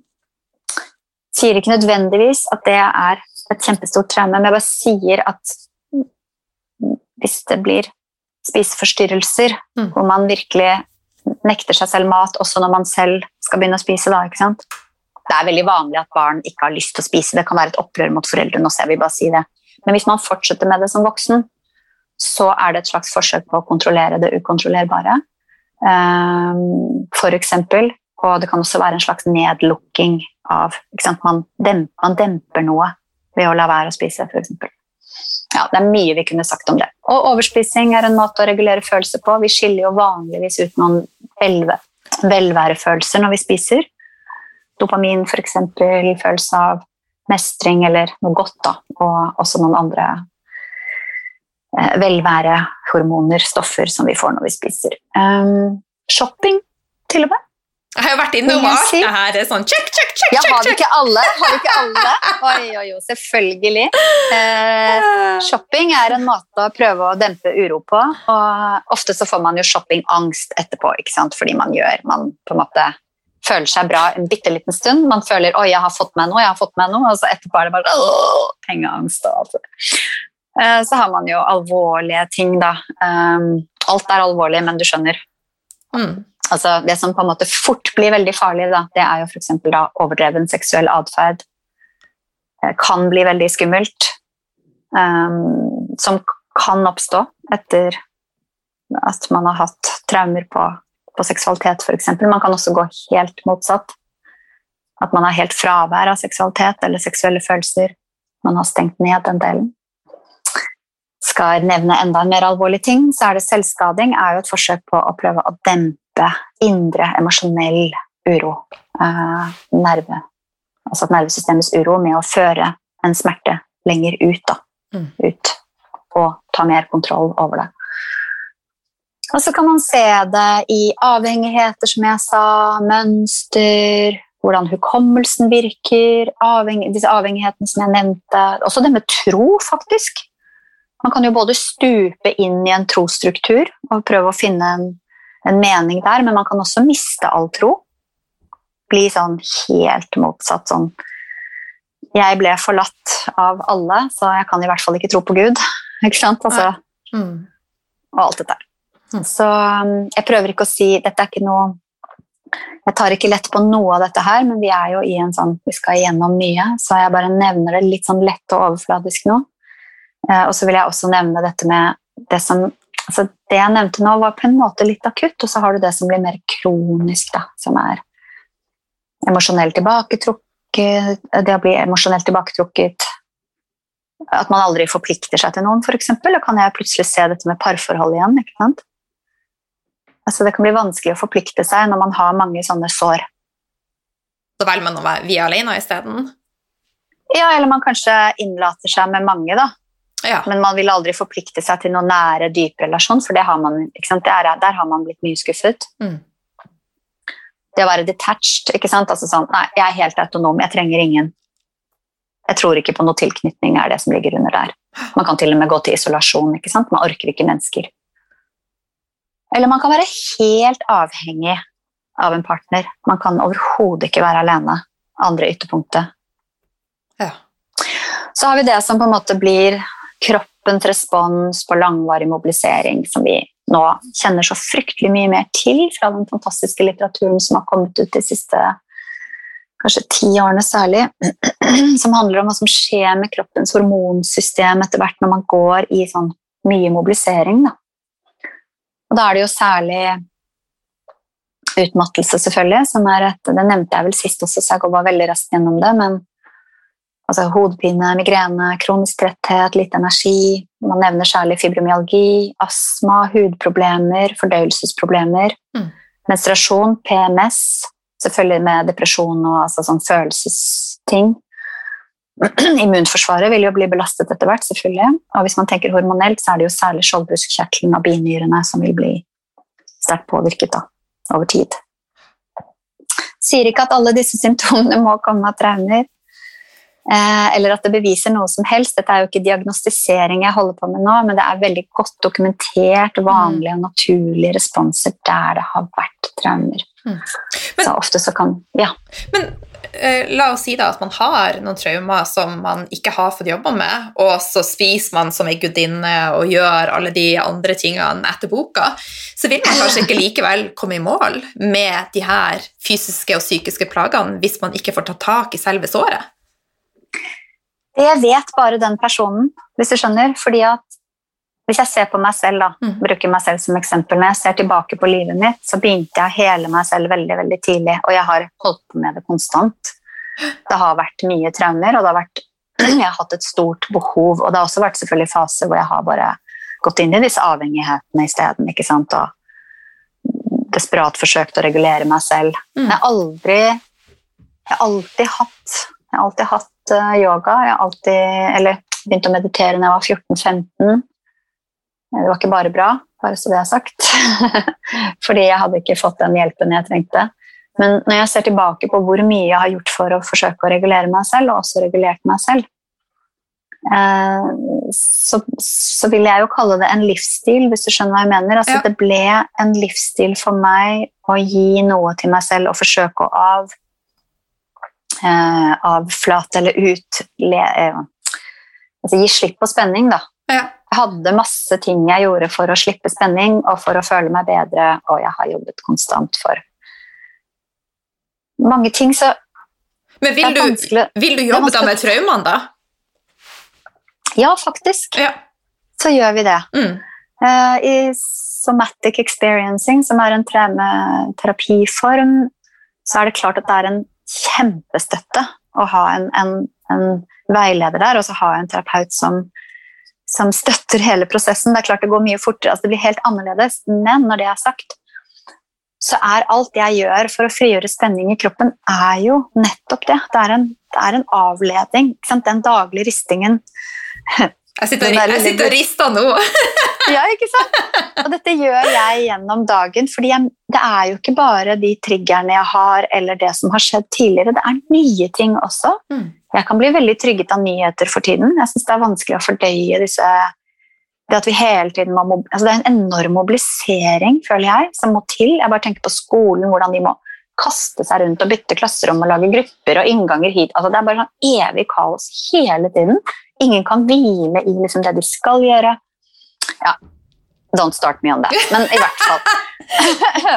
det er kollektive traumer, det er hverdagsting, det er spenninger som oppstår mellom mennesker. Altså, det er så mye som kan oppstå i seg selv, Så det er nødvendig å løse ut spenning. Og så har du dette som har vært temaet vårt her nå, som har vært at for noen blir det enda litt mer vanskelig da, å møte alt dette andre. Vi må, vi må forstå at det blir vanskeligere, sånn at vi kan ta oss selv på alvor, sånn at vi kan gi til oss selv det vi faktisk trenger, og kanskje også få hjelp.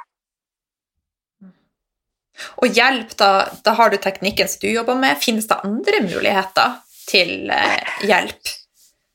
Jeg er veldig veldig tilhenger av kroppsterapi, og særlig når det har vært tidlige opplevelser. Når man kanskje tror at det har vært tidlig Vi har en måte å eh, få en sterk følelse av at, at, det har vært tidlige opplevelser som også må bearbeides. Da. Um, jeg er veldig veldig tilhenger av kroppsterapi. Um, og da mener jeg f.eks. Jeg er veldig glad i rosenterapi. Ja. Eh, rosen er en metode som jobber veldig psykologisk og traumerettet, men man ligger på benk, da, og så er det veldig veldig forsiktig berøring, men man trekker det som skjer i kroppen. Det er mye av det samme, for at man bruker litt altså, Jeg legger jo ikke hendene mine på mine klienter. Det er ikke det at jeg ikke kunne gjort det, men jeg gjør det ikke. Eh, mens her bruker man da berøring for å tydeliggjøre spenning som sitter bestemte steder i kroppen. Og det er fantastisk hvis man hvis det har vært fødselstraumer, hvis man ikke har blitt møtt på tidlige behov når man var helt liten, f.eks. Eller hvis det er eh, nedlukkede traumer som har skjedd med kroppen. Hvis du skjønner, altså mm. Fysiske overgrep, altså sånne ting, så kan det være en utrolig fin partner sammen med f.eks. Narm, da, narm da, for, å, for, å, for, å, forstå hva det er som skjer, og organisere det fragmenterte og sånn. Eh, og jeg vil si absolutt alt det som du og jeg holder på med. altså Som jeg sa, bare det å starte dagen med litt strekkeøvelser eller litt sånn ting som løser opp eh, hofteleddsbøyerne mine, som er disse hovedstressmusklene i kroppen. ikke sant? Vi snakket jo om det sist. Eh, bare å få løst opp i de gjør at jeg føler meg så mye bedre. Så fantastisk. Og alt mulig annet. Pusteteknikker har man jo for alt. ikke sant? Alt fra å løse ut spenning til å finne kraft, til å bli roligere. Og vi har så utrolig mange verktøy da, i yoga og masse andre metoder. Frigjørende dans, um, alle disse fysiske teknikkene. Det fins jo bioenergetiske øvelser. Det fins et hav. Jeg har gjort alt. Jeg har gjort alt, alt, alt, alt, alt, alt tror jeg. Alt, alt. Jeg tror jeg også har gjort det meste, men jeg har ikke prøvd narm, da, så det skal vi teste ut. Eh, men så tror jeg det er veldig viktig å eh, Det som jeg erfarer med meg sjøl, er jo altså mine mønstre der jeg har hatt spiseforstyrrelser etc., så har jeg jo vært veldig streng med meg sjøl. Så jeg må jo jobbe med å ikke være streng med meg sjøl i alt det gode jeg skal gjøre. At det ikke blir en sånn burde, skulle, måtte, men at jeg gjør det den her myke intuitive som du snakker om, for at jeg kjenner at jeg mm. trenger det, jeg gjør det med kjærlighet, og ikke shame meg sjøl om jeg ikke rekker å gjøre det en dag. Så det er utrolig, utrolig, fint at du sier det, og det her er jeg så obs på. Det er derfor jeg både underviser som jeg gjør, og snakker til mennesker på den måten jeg gjør, fordi um, når vi var barn, så var det, hadde vi på en måte ikke noe valg. Så jeg er så enormt opptatt av at det skal være en veldig stor grad av frihet og kjærlighet og vennlighet. Unnskyld, det er kremter her nå. Jeg er så opptatt av at det skal føles som det er noe du gir til kroppen din, eller kanskje til en del av kroppen din, at det er en kjærlig ting. At det er en, en dialog. Du kan spørre hver enkelt del av kroppen, f.eks. Mm. Men hvis det blir en sånn hodestyrt prosess, da, som det sikkert har vært for deg når du forsøkte å ta kontroll over noe, det var det kommer fra et bra sted, men så er det lett å påføre eh, Det er nesten som man overkjører kroppen fordi hjernen prøver å kontrollere noe. Eller det er jo faktisk det man kan gjøre, da. Og det samme ser jeg jo i treningsformer som blir veldig strikte og strenge. Det er mye traumer som skjuler seg når det er mye når det, ja, sett en dokumentar uh, om en yogalærer for eksempel, som driver med ganske grov, grove overgrep i yogarommet. Og det er hundrevis av mennesker i rommet som møter opp frivillig uke etter uke for å bli harassed, for å bli slengt dritt til, for å bli tråkket på, for å bli kalt en dritt og en møkk og en ikke får lov å gå ut og tisse engang. Altså, For meg, jeg ser bare traumer, traumer, traumer, traumer. traumer. Altså, det er jo ingen ved sine fulle fem som hadde vært villig til å utsette seg for det der, hvis ikke man nesten er en masochist. Altså, man har lyst til å bli behandlet som en dritt. Mm. Og faktisk også kanskje skadet, ikke sant? fordi man, altså, man blir utsatt for de utrolig altså, det, det er altså så hjerteskjærende for meg å se på. Og Derfor så har min yogaundervisning vært det jeg kaller organisk, da, hvor jeg egentlig ikke påfører noe. Vi utforsker sammen i vennlighet hva hver og en av oss har behov for. Åh. Det er det vi gjør. Og den har jeg lyst til å overføre også i mitt daglige liv. Mm. Mye medfølelse med meg selv. Ikke sant? Jeg kan kjenne på masse styrke der også. Det er styrke i det, men at jeg faktisk er medfølende til stede i den kontakten med meg selv. Da. Veldig Og fint. det er jo- Og det er jo også um, en av de tingene som jeg, som jeg vet at du tok opp, var jo dette med det å være en hjelper for andre. Det å jobbe med andres traumer er jo en kan jo være en belastning i seg selv. Ikke sant? Vi kan um, Når vi arbeider med andre som Eller har krevende yrker, da. Og så være sykepleier nå, f.eks. Altså, jeg kan ikke forestille meg hvor utrolig tøft det må være. Jeg kan begynne å late som jeg skjønner hvor heftig det må være nå. Og også måtte gå mot seg selv mange ganger, ikke sant? fordi man har valgt et omsorgsyrke fordi man ønsker å gi omsorg, og så kan man ikke gi omsorg engang. Man må bare liksom utføre helt maskin, liksom, liksom være en maskin. Mm. Um, og når man jobber med andre mennesker som, hvor det ikke sant, jobber med traumer, jobber med Så er det veldig, veldig viktig å unngå å bli overveldet. Um, Sant. da må man finne noen sånne Og det her ligger jo veldig tett på det man kan gjøre for seg selv da, i hverdagen. Så hvis jeg kan igjen bringe inn den der medfølelsen og bevisstgjøringen Ja. Eh, og at man eh, begynner å jobbe med sentrering, som jeg kaller det. Altså det å bli bevisst på hva det vil si å være til stede her og nå. Sånn at man kan komme tilbake til det på en eller annen måte, som en sånn bitte liten sånn hvilepause.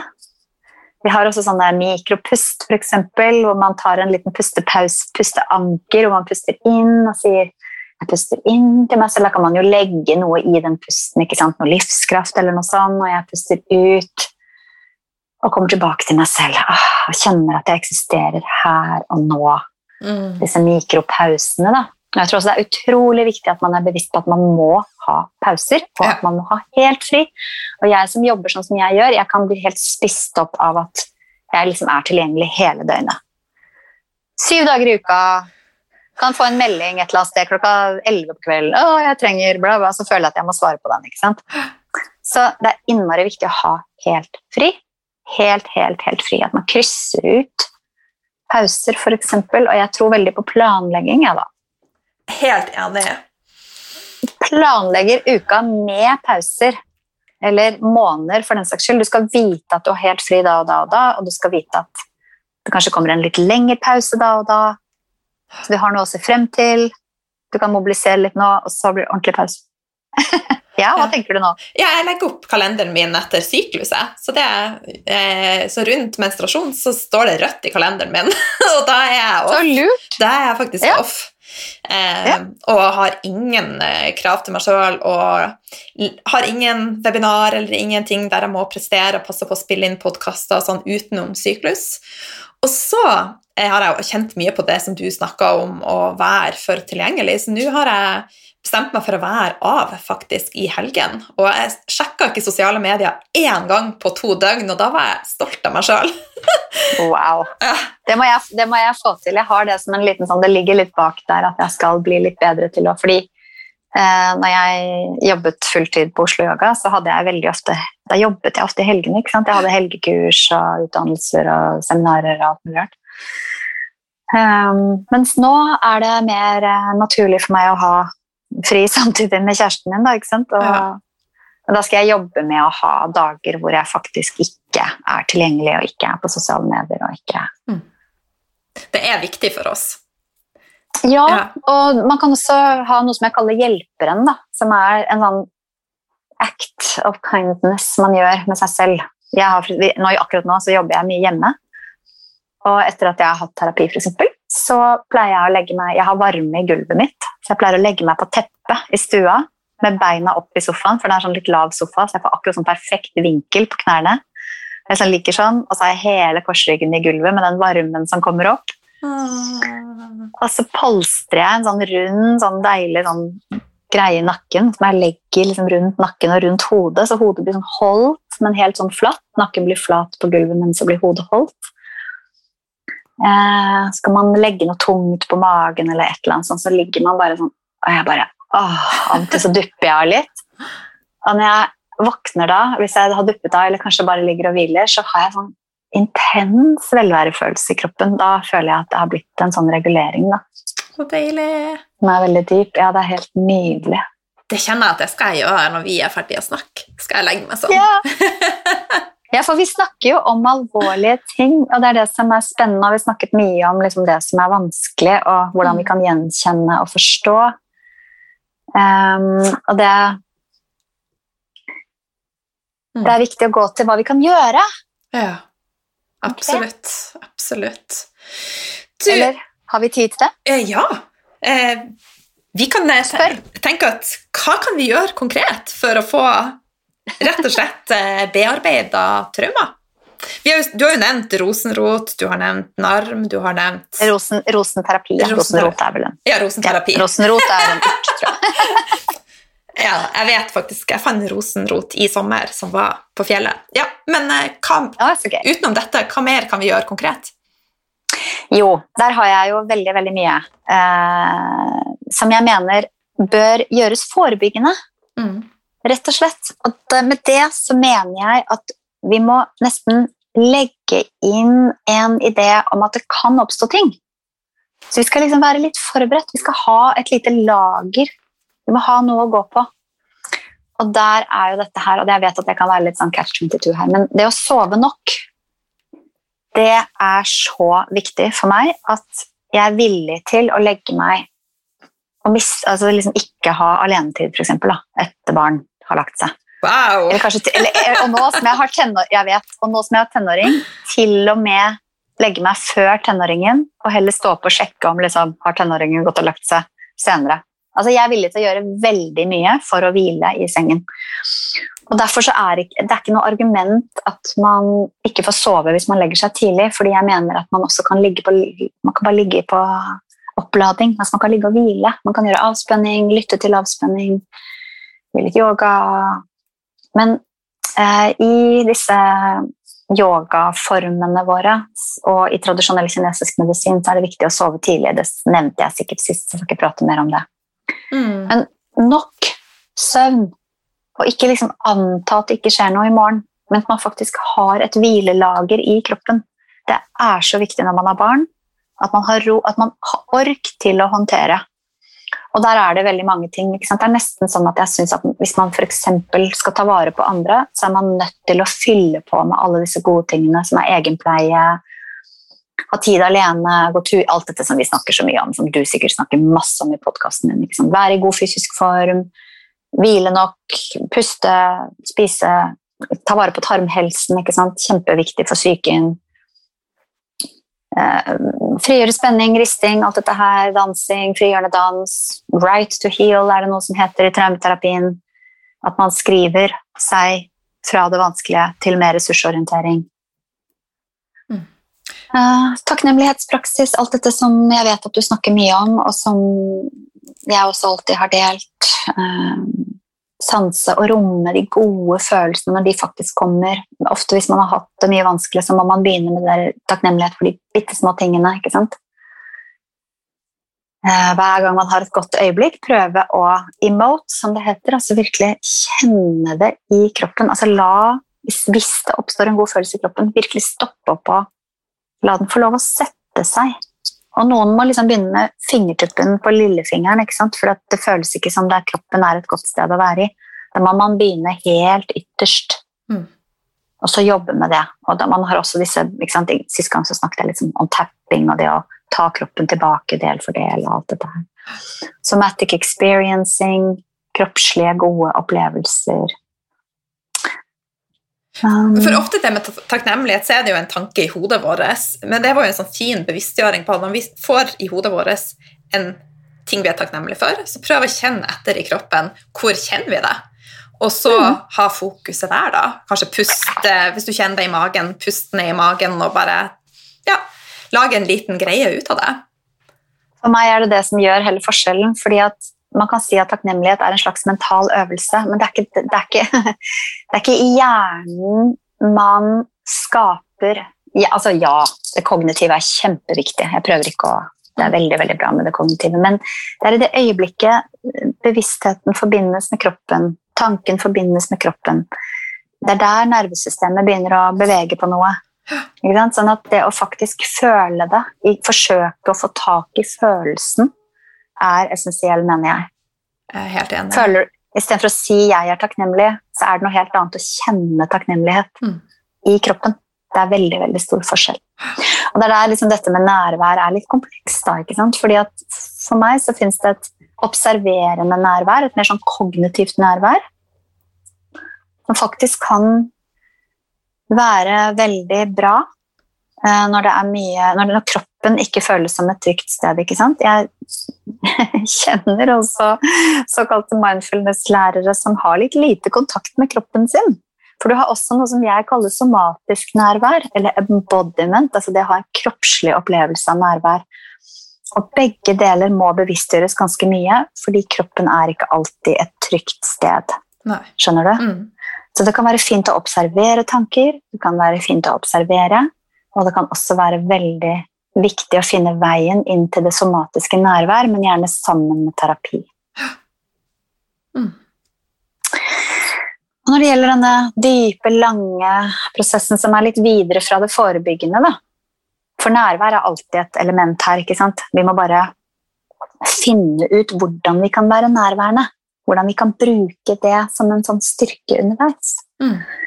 Eh, og litt lenger ut i prosessen, da, som, som vi kan gjøre for vår egen del. Det har vært mye snakk om tilgivelse. Ja. Og når, når barnet blir utskammet, så handler det om prosessen i det å tilgi oss selv fordi vi forstår at det ikke var vårt. Det var ikke sant. Altså, barnet har opp, en opplevelse av at det er dem selv det er noe galt med. Barn har opplevelse veldig ofte. Hvis barn har blitt utskammet når de var barn, så har de veldig ofte en opplevelse av at det er noe galt med dem. Det er noe feil. Det påvirker selvfølelsen vår og hele identiteten vår.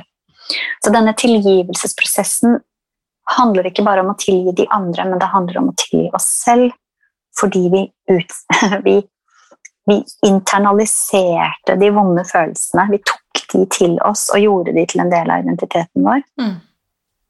Og så skal vi tilgi oss selv fordi vi kanskje har fortsatt å utskamme oss selv også.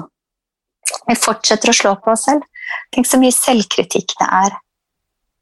Tenk så mye skamfølelse det er i samfunnet, i oss som mennesker. Det er nok av det. Og det, ja, og det er den reisen da, med tilgivelse. Og noen har ikke lyst til å tilgi mennesker som har skadet dem, og det er heller ikke nødvendig, for det er noe vi gjør. Men det kan være en forsoning som skjer senere, og før vi skal tilgi noen andre som har skadet oss, så skal vi tillate oss selv å bli sinte på den rette måten. Vi skal tillate oss selv å ha de følelsene, vi skal tillate oss selv å få kontakt med det sinnet, og vi skal tillate oss selv å få lov å føle på alt det der. Mm. Og så kan vi jobbe med tilgivelse senere. Veldig ofte så er vi blitt opplært, og her er yogaen veldig veldig sterkt inne. ikke sant? Fordi i denne spirituelle verden så skal vi liksom rett inn i tilgivelsen! Og rett inn i takknemligheten! Mm. Og så har vi litt lite bevissthet om alle disse stegene og hvorfor vi føler det vi føler. Og så kan det bli nesten sånn spiritual shaming, Skjønner. hvor vi bare Oi, nei, men det var ikke så lett. Å ja, jeg er ikke et Ja, jeg er ikke en ekte yogi, eller Å, jeg er ikke kjærlig nok, eller ikke sant? Det, det var masse tull. Mm. Jeg likte det forrige episode, så når du var med, så sa du at eh, ordet 'elskverdig'. Og jeg syns jo det var så fint. Eh, jeg har ikke tenkt så mye over det, men jeg tenker jo at vi alle er jo elskverdige uansett hvilken fase vi er i, eller hva vi gjør, eller hva vi ikke gjør. Og det er viktig at vi sier, oss, sier det til oss sjøl, uansett hvilke følelser vi sitter med. Om vi ikke ønsker tidlig ennå, så er vi jo elskverdige. Vi er verdifulle sånn som vi er. Det. er veldig nydelig sagt. Det er så mye differensiering som må gjøres, ikke sant? fordi at det å være verdig kjærlighet er ikke egentlig Vi, vi trenger aldri egentlig å, å, gjøre oss verdig kjærlighet fra noen andre. Altså, hvis vi ikke har fått den omsorgen vi trengte når vi vokste opp, så må vi for det første gi det til oss selv. Det er den ene prosessen. Og det andre er Hvis du har et barn, så er det jo sånn at ja, du skal oppdra og sette grenser og lære barn å håndtere verden. Det skal jo lære hvordan det er å være der ute. Mm. Men barnet skal jo oppleve seg selv akseptert og elsket uavhengig av. Og sånn er det liksom på celleplan. så er det sånn det er. Vi er der, og vi kan også gi oss selv Vi kan gjøre oss selv verdig kjærlighet inni oss selv. Altså vite at vi nesten bare er det. Vi har det med oss som en livsrett. Altså, det er en del av essensen vår. Det å bare kjenne eller være i den tilstanden er en del av essensen vår. Men, mener jeg. Dette er bare noe jeg mener, da. Og det betyr at vi vi er alltid verdige. Og hvis man har fått litt av det når man vokste opp, så har man en selvfølelse. Da blir det ikke så innmari viktig med denne som jeg kaller selvtillit, den ytre greia. Det at vi er nødt til å se ut og gjøre og, altså, Alt skal på en måte tilpasses et eller annet som vi skal få fra utsiden. Sånn at vi skal tro at vi er verdige denne denne vanskelige, komplekse kjærligheten. Mm. Veldig mange gode råd her. Eh, Liker egentlig ikke å gi råd, men jeg skjønner hva du sier, og det er sant. Det er på en måte råd, men det er også Kanskje det er mest anerkjennelse. Ja. Jeg ønsker at hver og en av oss skal vite at det er mulig, at vi har rett på anerkjennelse, og at det er mulig å bearbeide og komme fram til det stedet hvor vi bare vet at vi er dette berømte bra nok. Det går jo inflasjon i alt, ikke sant? Ja. Men vi er det. Vi er Vi er bra nok. Det er vi. vi er, og, og, og, det er så utrolig vanskelig å forstå. Jeg har lyst til å problematisere det ved å bare si at det er så ulidelig vanskelig for å forstå det. Vi skal alltid forbedre oss. Og jeg, jeg, jeg, mener virkelig at i det øyeblikket vi begynner å hele, vi begynner å heles og hele og slippe ut den spenningen og den smerten fra kroppen, så faller veldig mye av det vi ikke trenger og ikke, som ikke er bra for oss. Det faller bort av seg selv. Vi trenger ikke å tvinge oss inn i en hel masse ting. Det handler faktisk mye mer om å slappe av og begynne å hvile i det vi er, og observere og la det komme, på en måte, så faller ting vekk. Ja. Det faller bort av seg selv. Det er som sånne kropper man nesten går ut av, eller mønstre man bare mm. Så det er så mye sånn aksept da, i denne veien. Så er det sånn kjærlig aksept, medfølelse, støtte, anerkjennelse. Kalle det det det er. Si 'dette var ikke ditt' nesten avdekke denne rene, vakre, lyse kjernen som er essensen av ethvert barn. Mm. Den er der. De, de, er jo helt rene. Absolutt. Ting blir, blir, påført, og så få finne tilbake til den følelsen. Oi! Jeg er jo bare helt nydelig sånn som jeg er. jeg var faktisk bare en helt eh, skjønn, ren, eh, fin bevissthet i en vakker, nydelig kropp.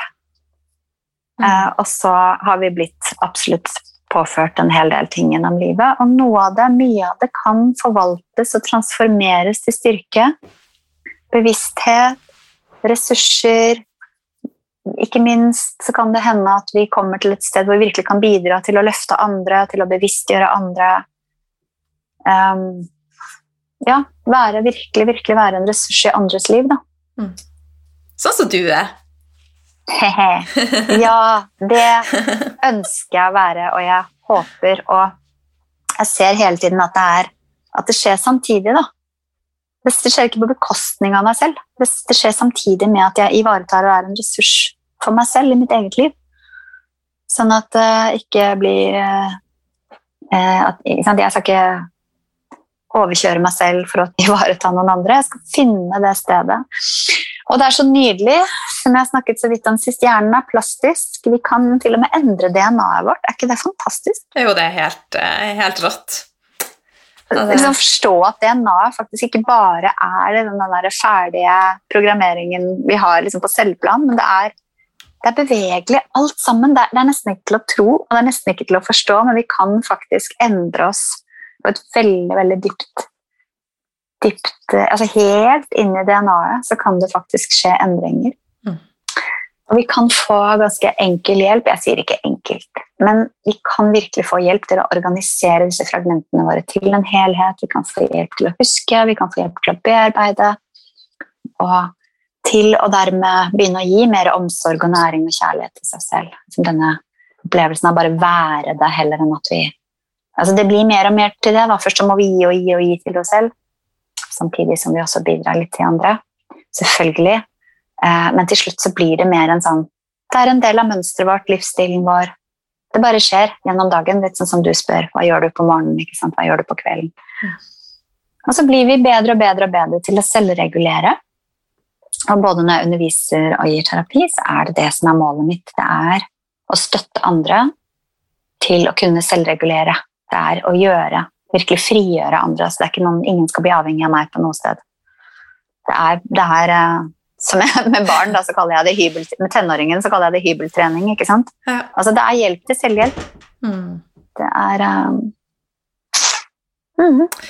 Så eh, Anneli, med det så tror jeg vi runder av. Jeg kjenner at eh, samtalen har vært helt eh, fantastisk, og eh, jeg har eh, lyst til å invitere deg med en gang til. Eh. sånn at jeg tenker at hvis, hvis lytterne sitter igjen med noen spørsmål og sånn etter episoden, så ta og send det til meg hvis du har lyst til å være med en gang til Anneli. En ja. gang Veldig gjerne senere. Det, ja. det, er, nesten sånn at jeg tenker at hvert av disse temaene her Og det kan hende at jeg blir for sånn oppramsende, fordi sant, du sender meg spørsmål, og så blir jeg sånn ah, Nå skal jeg gi alt, og det er litt sånn typisk meg. Men, uh, men hver og en av disse kunne jo hatt en fordypning, ikke sant. Ja. Uh, jeg har også lyst til å nevne at jeg skriver på en bok om utviklingstraumer, hvis jeg får lov å si det. Får?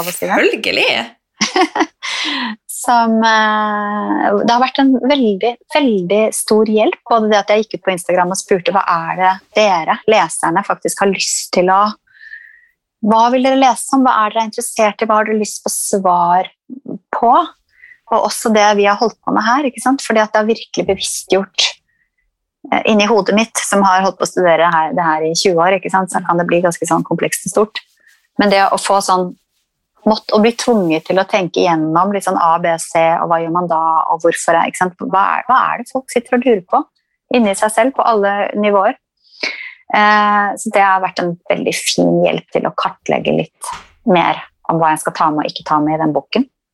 Og så har jeg, siden jeg er på reklamesiden her nå, så har jeg en eh, utdannelse i noe som heter holistisk yogaterapi, som er ti åpne moduler hvor jeg jobber med traumesensitiv forståelse, heling, traumesensitivt språk. Det blir veldig sånn konkret da, i forhold til du sa hva kan man gjøre. For tema, hvert, hver modul har et helbredende tema. Det er pakket med øvelser, pusteteknikker, næring, meditasjon osv. Men med ut fra dette traumesensitive perspektivet. Eh, eh, og ja, det er, det er syvende eller åttende året jeg har hatt denne utdannelsen. Og, og, jeg har i grunnen bare samlet alt i ti moduler da, som har et tema. For eksempel, det ene er immunforsvaret, og det andre er hormonsystemet. og så har vi årstidene som et tema, med f.eks. sensommeren. Så har man fordøyelsen osv. Så, videre, og så, videre. så hvert det er Det er uh, veldig sånn konkret Både inspirasjon, selvfølgelig, men også masse av disse konkrete rådene eller jeg liker ikke ordet råd, men ja. disse verktøyene da, som ja. vi kan ha godt av. Så hvis man har lyst på mer mat. Litt sånn konkrete mat og verktøy til, til hvert av disse store temaene som henger sammen da, til en helhet, så er det en mulighet. Veldig, veldig fint. Men du, eh, hvor kan lytterne treffe deg? Eh, Instagram har jeg fått veldig mange eh, tilbakemeldinger, ikke sant? Fordi de, jeg har jo så lagt ut denne podkasten der, så da har de kontaktet meg der. Og så er jeg på Facebook, Anneli Mjøen. Eh, mailadressen min er litt rar. er det noen som bruker mailadresse lenger? Nei, Hva bruker du? folk finner deg på Instagram. Anneli Mjøen. Ja, de Ja. finner meg på Insta. Anneli Mjoen heter jeg der, da. Mjoen? uh, Ja, ja, ja. det er Du vet. Ja. Instagram. Du er sånn, har jeg sagt navnet ditt feil? Nei, nei, nei, nei, nei. Det er bare Ø, vet du, kan være litt vanskelig for de Ja. internasjonale. ja. Har jo nesten bare norske som følger meg, men ja. Yes, nei, men tusen, tusen tusen takk. takk. Sa vi det i kor? Tji-tjing! Det gjorde vi. En veldig stor Hjert glede. Ja, hjertelig takk, Line. Eh, Det er veldig fint, veldig vakkert å få lov å snakke om dette som jeg tror er viktig for så mange mennesker. Jeg føler virkelig at vi bidrar til noe, og du har vært en nydelig samtalepartner. Og ja, det har vært Tusen flyter så inn veldig godt. Takk, takk.